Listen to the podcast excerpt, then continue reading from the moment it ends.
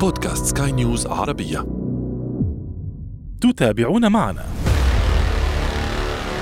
فعليا هو طبعا بيبقى compact شوية عن الموتور بتاع السيارة بس هو فعلا 6 سيلندر.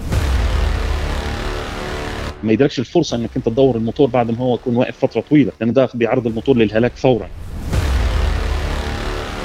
الموتوسيكل شوية بيبقى حساس أكتر لأنه المكونات بتاعته بتبقى صغيرة جدا. محركات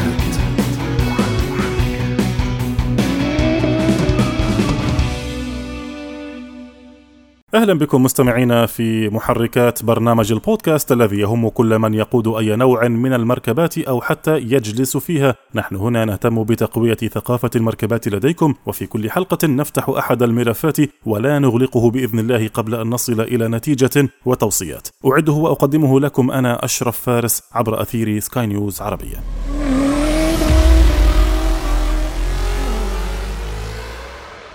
للدراجات النارية عشق لا يعرفه إلا رواد السرعة والإثارة، لكن أيضا ما هو شائع عنها بأنها رياضة الأثرياء. بالتأكيد ليس لصعوبة تعلم ركوبها، وإنما ربما لأسعار شرائها، والأهم لتكلفة إصلاحها. ولكن للخبراء وأبناء هذا السوق رأي آخر كليا. ابقوا معنا. محركات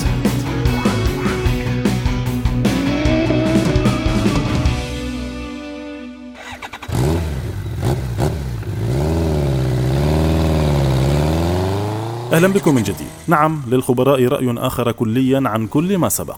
فلو كان ذلك صحيحا لما كانت الدراجات النارية هي الناقل الرسمي للغالبية العظمى لشعوب دول شرق آسيا. تلك الطبقة المتوسطة ودون المتوسطة تستخدم هذه الدراجات يوميا في التنقل وفي الترفيه أيضا. بداية من دراجات الركوب الخفيفة وانتهاء بالدراجات الرياضية السريعة. السائر في الفلبين وكوريا والصين سيرى تلك الدراجات تتقافز أمامه من كل حدب وصوب فكيف يتدبر هؤلاء أمورهم فيما يتعلق بالصيانة وقطع الغيار؟ وكيف يمكن لنا أن نستفيد من هذه التجارب في منطقة الشرق الأوسط؟ بالطبع الصيانة والإصلاح هنا يختلفان جذريا عن المركبات العادية. التعامل مع المحرك وقطع نقل الحركة أيضا مختلف.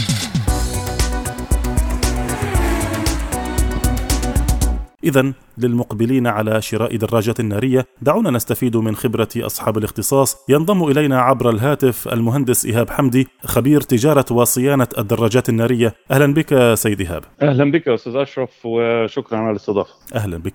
الناظر إلى الدراجات النارية آه، يعتقد بأنها نوعان أو ثلاثة. يعني من ينظر إلى الدراجات يقول لك هذه دراجة سريعة ياباني هذه دراجة هارلي وتلك دراجة توصيل الطلبات. هذا كل ما يعرفه أغلب أصحاب السيارات. ابدأ معي بأنواع الدراجات النارية. كم نوع هناك من الدراجات النارية؟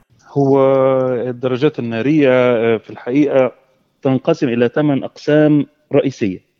ال- هنبدأ بال standard motorcycle اللي هي بيسموها في بعض الأحيان ال naked motorcycle لأن بتبقى عبارة عن موتوسيكلات آه، مجردة من كل ال- الأشكال ال- الجميلة من ال fair البلاستيك ال- الرسوم ال- الخارجية وبتبقى عملية بشكل كبير.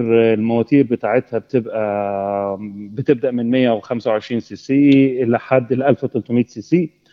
آه، وديت اللي بتبقى الأغلبية العظمى بيستخدموها آه، لسهولة استخدامها وسهولة قيادتها يعني. وحتى سهولة هذه هي دراجات ال- التدريب ودراجات ال- توصيل الطلبات؟ آه، نقدر نقول إنها تندرج تحت هذا ال- القسم من الدراجات وننطلق للجزء الثاني أو النوع الثاني وهو ال cruise bike. ال cruise bike آه، أغلبيته بيبقى الموتور بتاعه حاجة اسمها ال V-twin ال V-twin لأنه الموتور مكون من اسطوانتين على شكل حرف V السعه اللتريه بتاعته بتبدأ من 400 سي سي إلى 1800 سي سي و1900 سي سي. بيسموها كروز لأن هي بتستخدم في أغلب الأحيان للتنقل ما بين مدن بعيدة نسبيا. مش مسافات طويلة يعني يعني هي آه. للقيادة تكون مريحة على الطريق مش لمسافات طويلة جدا لأن المسافات طويلة جدا ليها أنواع أخرى لأنه فعلا استخدام الكروز أو motorcycle cruise motorcycles لمسافات طويلة مؤلم للظهر بسبب آه، الجلسة يعني الجلسة على الموتور بتخليك ال- الأقدام متقدمة إلى الأمام وشكل الظهر هيعمل حرف آه، يو على الجسم ف الظهر الظهر ليس مسنودا ليس فيها مسند ظهر. آه آه لأنه أنسب طريقة لراحة الظهر هو آه يكون بشكل مستقيم بشكل 90 درجة على الكرسي اللي انت قاعد عليه. فده بي بيسهل المسألة وما بيبقاش فيه تعب. نوصل للقسم الثالث أو النوع الثالث وهو السبورت بايك. وده أكتر جزء محبوب لدى الناس المحبين للدراجات النارية.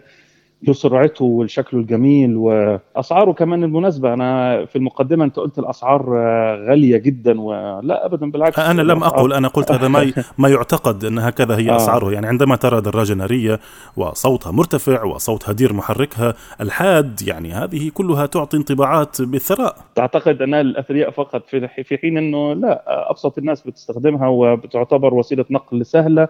وسريعة ومتوفرة للجميع من كل الطبقات. نوصل للنوع الثالث أو الرابع. الرابع تقريبا اللي هو touring bike ال touring bike دي بتستخدم بقى للسفر لمسافات الطويله جدا.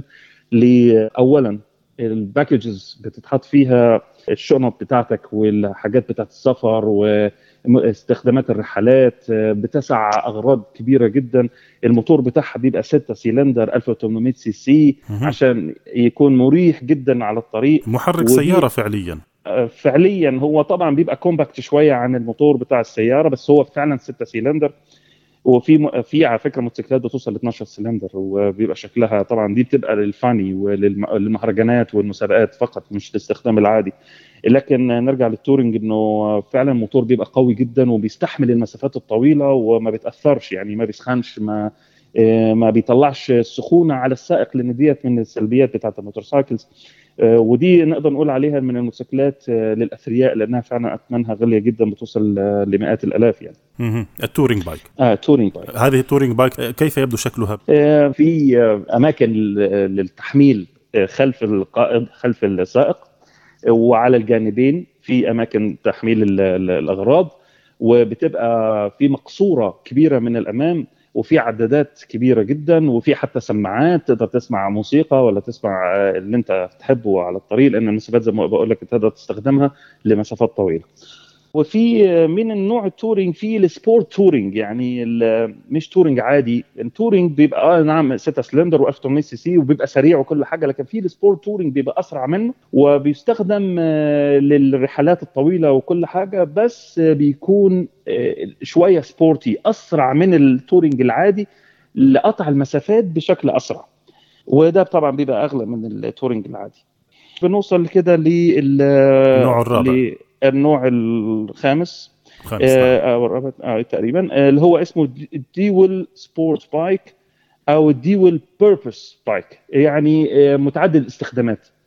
وده أكتر بايك أنا بحبه شخصيا لأنه بينفع في كل حاجة. يعني أنا مثلا لما أحب أعمل رحلة في مكان أنا ما أعرفوش.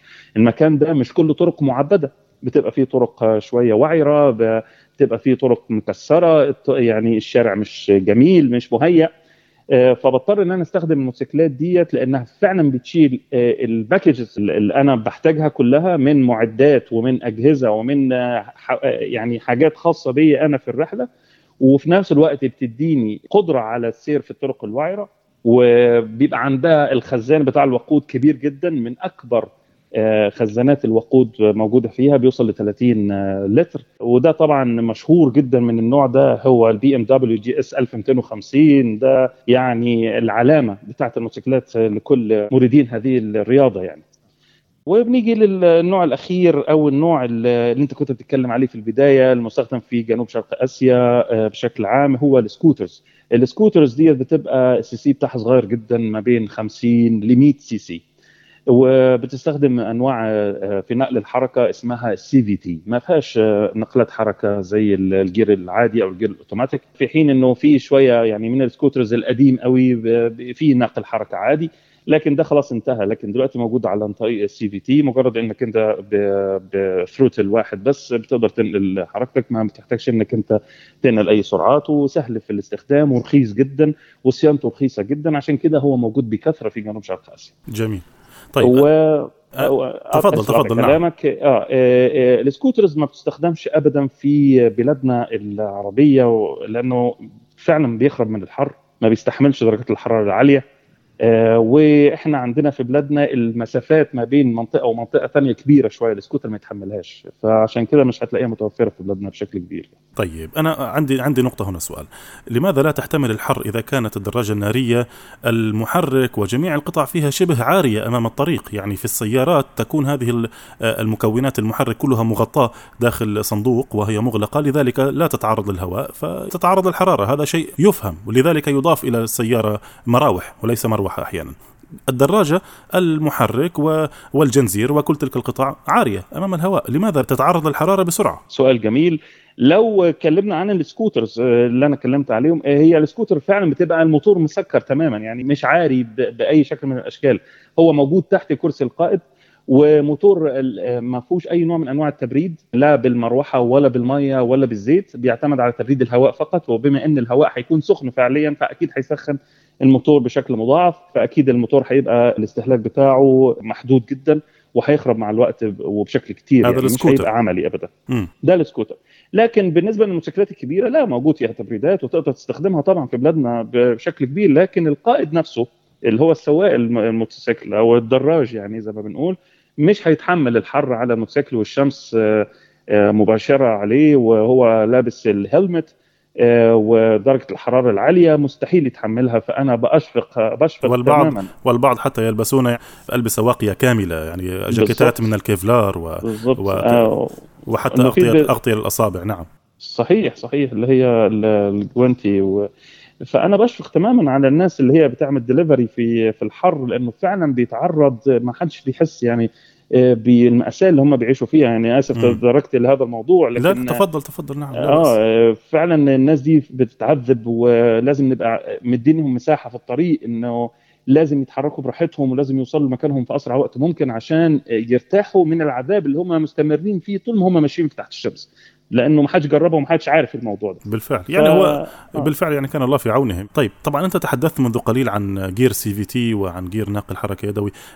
كيف هي الفروقات في التحكم عفوا في في أنواع نواقل الحركة بين الدراجات؟ هل مشاكلها مشاكل ال gear أو ناقل الحركة مثل مشاكل ناقل الحركة في السيارات؟ هي بما أنه هو جزء ميكانيكي فالمشاكل بتبقى واحدة. إذا ما عملتلهاش صيانة في وقتها أكيد هتتعرض لمشكلة ما هتحصل في المستقبل. آه، زي ما هتعملها في السيارة زي ما هتعملها في الموتوسيكل. ولكن الموتوسيكل شوية بيبقى حساس أكتر لأنه المكونات بتاعته شوية بتبقى component آه، آه، عفوا بتبقى compact بتبقى صغيرة جدا. فالاحتكاك فيها بيبقى كتير جدا والهالك فيها بيبقى أسرع من من الأجزاء اللي بتبقى موجودة في السيارة.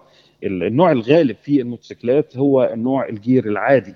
إنك أنت تنقل السرعات بال gear العادي فدي بتبقى محتاجة كل سنة إنك أنت تغير الكلتش الخاص بال gear بتاعك آه، أنواع الأوتوماتيك ديت مستحدثة وأكيد بتحتاج صيانة بشكل طبعا آه، مختلف عن الكلاتشات بس بتحتاج صيانة سنويا برضه ال CVT موجود بس في ال scooters وقلنا إن ال scooters ما بنستخدمهاش بشكل كبير في بلادنا لكن لو لو اتكلمنا عن الاستخدام العادي لل scooters هو أقل تكلفة بشكل كبير جدا من الموتوسيكلات الكبيرة يعني. طيب عندما تقول بأن السكوتر آه، لا يحتمل المشي لمسافات طويلة، يعني دعني نتحدث بشكل واقعي نوعا ما، لأي مسافة يمكن أن يحتمل السكوتر أن يتحرك؟ يعني هل يصلح أن يعمل السكوتر في توصيل الطلبات يوميا مثلا؟ هو يمشي مسافات طويلة، يعني ممكن يمشي ال 1000 كيلو يوميا، لكن لمسافات متقطعة، يعني ممكن أعمل مثلا ب 100 كيلو وأوقفه لفترة نص ساعة وبعدين أكمل 100 كيلو أخرى وهكذا.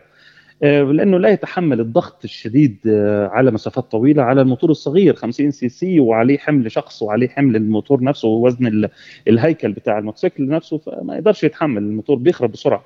فآه يعني لازم تجزئه شوية ويبرد شوية ولازم تتعامل معاه بسياسة يعني. طيب بالنسبة للمشاكل الميكانيكية ويعني ما هي أبرز المشكلات التي يمكن أن تظهر مع سائق الدراجة؟ هل يمكن أن يواجه مشكلة مثلا في الزيت؟ هل يمكن أن ينقطع الجنزير؟ يعني في السيارات آه، السيارات التي يكون فيها حزام timing belt إذا كان ذلك الحزام مطاطي يمكن أن يقطع لكن السيارات التي لا تحتوي على timing belt تحتوي على جنزير يقال هذا الجنزير أو يقالها هذا الجنزير مدى الحياة لا يقطع. صحيح. كيف كيف الأمر مع السيارات؟ مع الدراجات عفوا. في السيارات زي ما أنت قلت timing belt المطاط بيحتاج إن هو يتغير على فترات مختلفة كل 100000 كيلو whatever الجنزير حتى اللي إحنا بنقول إن هو ما يتغيرش بس هو بيحتاج ال calibration كل فترة برضه لأنه بيحصل فيه تمددات وانكماشات. فنرجع للموتوسيكلات في برضه نفس المشكلة في ال timing belt لازم كل فترة يتغير. ولكن تكلفة الصيانه هنا تبقى أعلى شوية لأنه الأجزاء بتاعته بتبقى شوية مخصصة للأحجام الصغيرة للموتورات عشان تدي كفاءة عالية فبالتالي الأجزاء بتبقى شوية أغلى.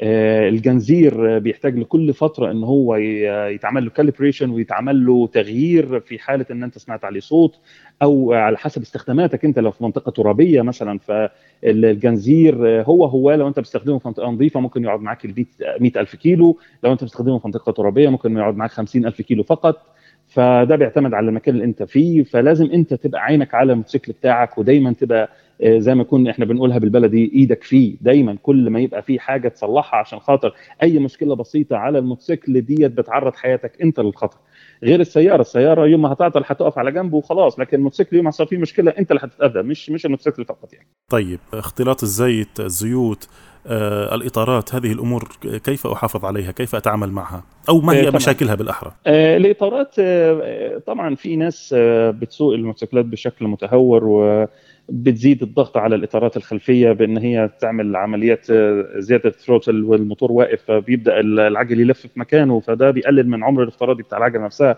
لكن لو اتكلمنا عن الاستخدام العادي ليها فإن العجلة ممكن تقعد معاك لأربع وخمس سنين العجلة بتاعت الموتوسيكل لو أنت بتستخدمها بشكل ستاندرد طبيعي منطقي. آه، لكن آه، لا الزيوت ما فيش اختلاط الزيوت ابدا في الموتوسيكل طول ما أنت محافظ على درجة حرارته الطبيعية. ما فيش أي تفويض ما فيش أي ليك يعني في, في الموتور ما بيحصلش أي خلط في أي بأي نوع من الأنواع. آه، ميزانية العجلة طبعا كل فترة لازم تعمل ميزانية التواير يعني زي ما بتعمل في السيارة كده كل فترة بيحصل تغيير في شكل العجلة بسبب الحرارة والضغط المستمر عليها بالتحرك بالموتوسيكل فلازم تعمل له صيانة دورية. آه، طبعا ده ما بيتمش عندنا قوي في الإمارات لأن الإمارات إحنا عندنا آه، قيادة الدراجات النارية الكبيرة هي آه، قيادة موسمية. لما يبدأ الجو يبقى حلو كده نقدر ناخد الدراجة بتاعتنا ونقدر نتحرك لكن لما الجو يبقى حر بنضطر إن إحنا نوقف الموتوسيكل في الجراج وبتفضل واقف ثلاث أربع شهور ما أحيانا تقف حتى يعني. تحت حر الشمس يعني ليس آه ليس شرطا في مرآب صدقني المهووس والمحب للدراجة النارية أنا أعرف ناس بتحطها في غرفتها الخاصة يعني من كثر ما هو بيحب وبيعشق أنا أنا أصدق ذلك نعم أنا أصدق ذلك لكن يعني دعني نتكلم بشيء من من الجانب من الجانب الميكانيكي الجانب التقني هنا. إيقاف الدراجة لفترة طويلة هل يضرها ام يعني كيف أتعامل مع إيقاف الدراجة لفترة طويلة؟ إيقاف الدراجة لفترة طويلة يعرضها لأكثر من مشكلة. أول مشكلة ممكن تقابلها هو التايرز العجلات بيتآكل التيل الداخلي ليها بسبب الوقفة والرطوبة. فبتضطر إن حتى لو هي جديدة بتضطر إن أنت تغيرها. آه الزيت آه بيتم إن هو يركض يعني بينزل تحت خالص في الكارتيرا وده ما يدركش الفرصة إنك أنت تدور الموتور بعد ما هو يكون واقف فترة طويلة لأن ده بيعرض الموتور للهلاك فورا يعني. فمضطر إن أنت تشيل الزيت القديم رغم ان أنت ممكن تكون مجدده يعني مغيره قبل ما توقف الموتوسيكل فمضطر إنك تغيره مرة ثانية لما تيجي تستخدمه. بس ده أكثر الحاجات وأغلب الحاجات وهي أكثر تكلفة آه، موجودة في طيب. في, في الموتوسيكل. طيب ماذا أفعل؟ أنا يعني نحن نعيش في بلاد حارة ونوقف الدراجات لشهور ماذا نفعل هنا؟ آه، لو هي ثلاث أربع شهور بس بتاعة الصيف آه، ما فيش أي مشكلة. أنت ممكن تعمل له صيانة من قبل ما توقفه وقبل ما تتحرك بيه مرة ثانية.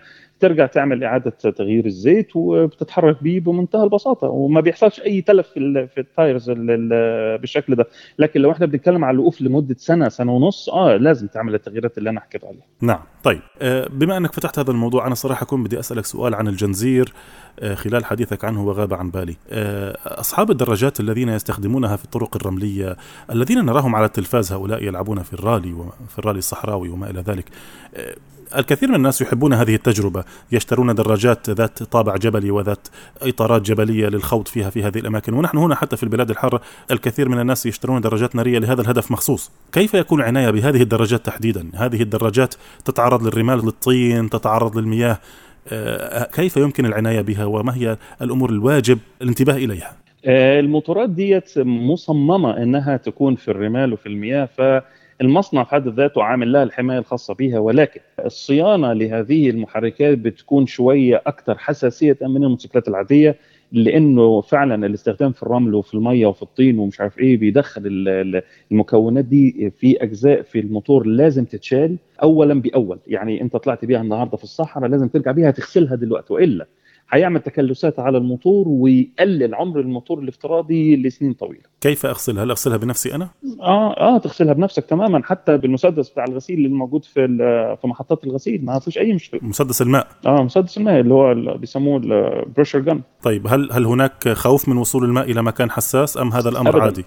ابدا لأنه طبعا الموتوسيكل وأنت ماشي ممكن تمشي بيه في المطر ممكن تمشي بيه في المية ممكن تدخل المية دي في الأجزاء دي فالأجزاء الكهربائية اللي أنت بتتكلم عليها أو الخايف عليها دي بتبقى محمية بشكل كبير جدا مستحيل تدخل لها مية يعني. هو هو الخوف يعني نحن في السيارات نخاف من وصول الماء إلى رأس المحرك وهو ساخن لكي آه، لا يتعرض لفرق الحرارة. تمام. ويصاب بالشرخ صحيح آه. في الحالة دي طبعا أنت آه، في الحالتين على فكرة في السيارات أو في الدراجات ما تغسلش العربية ابدا وهي ساخنة لازم تغسل العربية وهي باردة.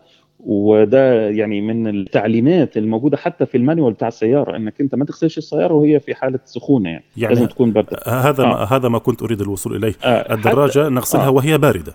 لازم تكون باردة طبعا. نعم. طيب شيء. آه بالضبط. طيب خلال يعني في معرض حديثك آه، تحدثت بشكل متفرق عن عن المحافظة على الدراجة وعن الصيانة الدورية، حدثني عن الصيانة الدورية للدراجات النارية، يعني أنت أنا أعلم أنت تحدثت عن الزيت وتحدثت عن القطع، لكن الآن نريد أن نضعها كلها في آه، في موضوع واحد، ما هي ما هي طيب. الصيانة الدورية التي واجب علي أنا أن أقوم بها بدراجتي إذا اشتريت دراجة آه، مستعملة ليست تحت ضمان الوكالة، يعني أنا سأقوم بنفسي بإخبار الميكانيكي، سأقول له افعل كذا وكذا. تمام.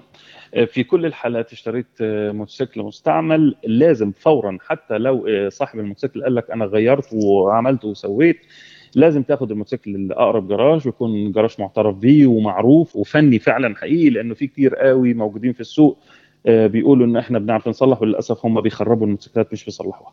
المهم إن بتاخد الموتوسيكل ده للجراج وبتطلب منه إن هو يغير لك كل فلاتر الزيت يغير لك الجنزير يغير لك ال tires ينظف لك ال tank بتاع البنزين يعمل لك ميزانية للتواير ويعمل لك calibration للجنزير دي أهم أشياء من قبل ما تتحرك وتركب الموتوسيكل وتبدأ تمشي في الطرق يعني. جميل. طيب هذا مع البداية. الصيانة الدورية؟ آه، طبعا على حسب طبعا الزيت اللي أنت بتحطه إذا كان هو 3000 أو 5000 طبعا أنا أفضل دايما إنك أنت تحط ال 5000 كيلو. هو هو نفس الزيت آه، الذي نضعه لا بالسيارة؟ طبعا هو الزيت مختلف تماما عن زيت السيارة. وزيت مخصوص فقط للموتورسايكلز بس آه، بنمشي بنفس النمط بتاع السيارات آه، وخاصة في السيارات المستعملة بأنك أنت بتحط مثلا زيت 5000 بتشيله على 3000 لأنه ده بيحمي جدا المكونات الداخلية للموتور. وطبعا زي ما قلت بالنسبة للتايرز لو أنت بغيرها دلوقتي مش مضطر أنك أنت تغيرها لمدة خمس سنين إذا أنت بتستخدمها استخدام طبيعي. جميل جميل جدا طيب أخطاء يقوم بها بعض الأشخاص. أنت تحدثت في معرض حديثك عن القيادة الرعناء آه، دوس الوقود بقوة وال- والدراجة متوقفة. آه، حدثني عن أخطاء أخرى يمكن أن تتلف الدراجة ويمكن أن تقصر من عمرها أو عمر بعض الأجزاء تحديدا يعني. هي القيادة المتهورة في كل الأحوال هي شيء منبوذ. يعني أتمنى من الناس اللي ممكن تسمعنا آه، ما تجازفش بحياتها ما تجازفش بالموتوسيكل بتاعها. إذا كان هو فعلا ماهر جدا في القيادة يحاول يحول المهارة دي لسلامة في الطريق. إنه يحمي الناس يحمي نفسه يحمي اللي حواليه بإنه هو يقود ويكون رمز حقيقي يحتذى به في القيادة للدراجات النارية. ما يستخدمهاش بالعكس في إنه هو يتهور أو يقود الدراجة بشكل ممكن يعرض حياته وحياه الآخرين للخطر. آه، لكن الطريقة اللي أنت بتتكلم عليها اللي هو ممكن في ناس تلاقيهم بيرفعوا ال- الدراجة من الأمام ويمشي على العجلة الخلفية. كل ده بيأثر على الأجزاء الداخلية للموتور وبيأثر على الجنزير وبيأثر على ال tire وبيأثر على ال suspensions بيأثر على الهيكل حتى بتاع بتاع الموتوسيكل. ده بعيدا عن الأخطار اللي ممكن يتعرض ليها الشخص نفسه سايق الموتوسيكل يعني. كل الحكاية إنه آه، في بعض يعني الإجراءات اللي لازم ياخدها كل قائد دراجة بإنه في في حاجات يعني أساسية. آه، في كتير قوي بيحبوا يقودوا الدراجات ال- النارية وبس ما بيحطوش ده في اعتبارهم. وفي ناس للأسف كمان موجودين على الطريق بيقودوا سيارات ما بيدوش المساحة الكافية للموتوسيكلات وفعلا ما بيشوفوهاش وده بيعرض آه، قائد الدراجة للحوادث. يعني بيعرضهم لمشاكل على الطريق كبيرة جدا و وكتير قوي من الدراجين بيشتكوا من الموضوع ده. فمن أكبر التحذيرات هو الانعطاف المفاجئ لأي سيارة أمام دراجة. يعني لازم يدي اشارات ولازم يهدي لازم يعمل حساب إنه في دراج لأنه التحكم في الدراجة مش زي التحكم في السيارة ابدا. أنت على على على عجلتين وأنت والسيارة على أربع عجلات التحكم فيها بيكون أكثر آه، دقة يعني. آه، في عندك آه، الطريق اللي بيبقى فيه حصى لما تبقى سايق الدراجة النارية بتاعتك وفي طريق فيه حصى مهما كانت الدراجة بتاعتك ثقيله وموثوق فيها وكل حاجة لازم تبقى حذر بشكل كبير جدا إنك أنت ما تتهورش على الطريق ده وتبقى ماشي بسرعة بطيئة جدا. آه، في عندك آه، الانعطاف بسرعة كبيرة وانت سايق الدراجه لأنه انت ما تعرفش إيه اللي ممكن يكون قدامك جاي يعني والانعطاف بالموتوسيكل ما هوش بالشيء الهين زي ما هو الانعطاف بالسيارة الموتوسيكل محتاج مهارة في الانعطافات آه، كبيرة جدا وأكبر وأكثر الناس مهارة بتتعرض للحوادث الانعطافات فلازم تاخد حذرك منها. وتجنب القيادة في مجموعات من يعني في مثلا بنشوف جروبات من الموتوسيكل ماشيين في الطريق فلو أنت شايف إن المجموعات دي غير منتظمة تجنب تماما إنك تمشي معاهم لأن ده بيعرض لكارثة مش حادثة بسيطة. وكمان أنا طبعا بقول مقتطفات سريعة وأحرص على إنك تصطدم بسيارة من الخلف. يعني في السيارات بتقف فجأة وقوة الفرامل الموجودة في السيارة أقوى بكثير من الموجودة في الدراجة. آه، فالوقوف الفاجئ المفاجئ للسيارة ممكن يعرضك لحدث إنك تخبط فيها مباشرة. فلازم تعمل المسافة الآمنة ما بينك وبين السيارة اللي أمامك. وكمان آخر حاجة ممكن تكون كوميدية شوية. خلي بالك وأنت ماشي بموتوسيكل واحد يفتح باب السيارة وفجأة وأنت ماشي تلاقي نفسك دخلت في الباب بتاعه رايت هذه هذه حدثت مع أحد الأشخاص بالمناسبة لكن على دراجة هوائية. طيب آه، دعني أختم معك في نقطة أخيرة. الدراجة اولا وأخيرا هي آه، جهاز على عجلتين آه، يسهل أن يحمله شخصان بكل سهولة. أنا أتصور وزنه يمكن 150 كيلو أو 200 كيلو.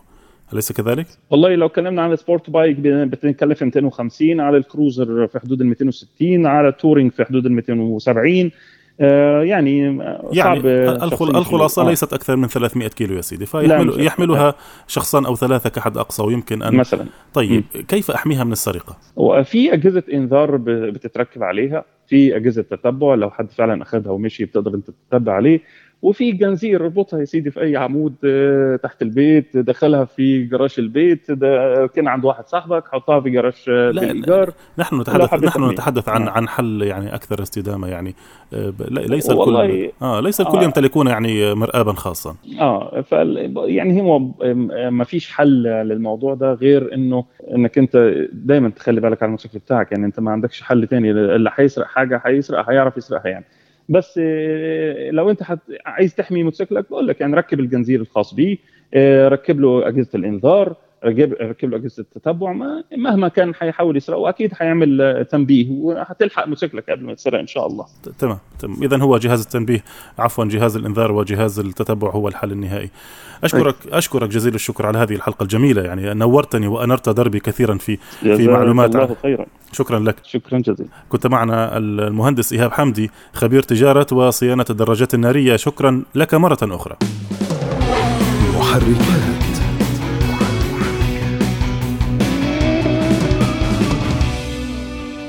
أنتم مستمعين الكرام إذا حاز هذا البودكاست على استحسانكم نرجوكم إعطائه التقييم المناسب سواء ذلك في التعليقات إذا كان ذلك متاحا أسفل هذا البودكاست أو برسالة إلى أي من منصاتنا الإلكترونية. وطبعا إذا لديكم أي تعليقات أو تحسينات دائما يسعدنا أن نستقبلها عبر نفس الطرائق. كان معي في الإخراج الفني أدي طبيب في الإعداد والتقديم كنت معكم محدثكم أنا أشرف فارس. مرة أخرى نشكركم على حسن المتابعة. دمتم دائما وأبدا في أمان الله. مع السلامة.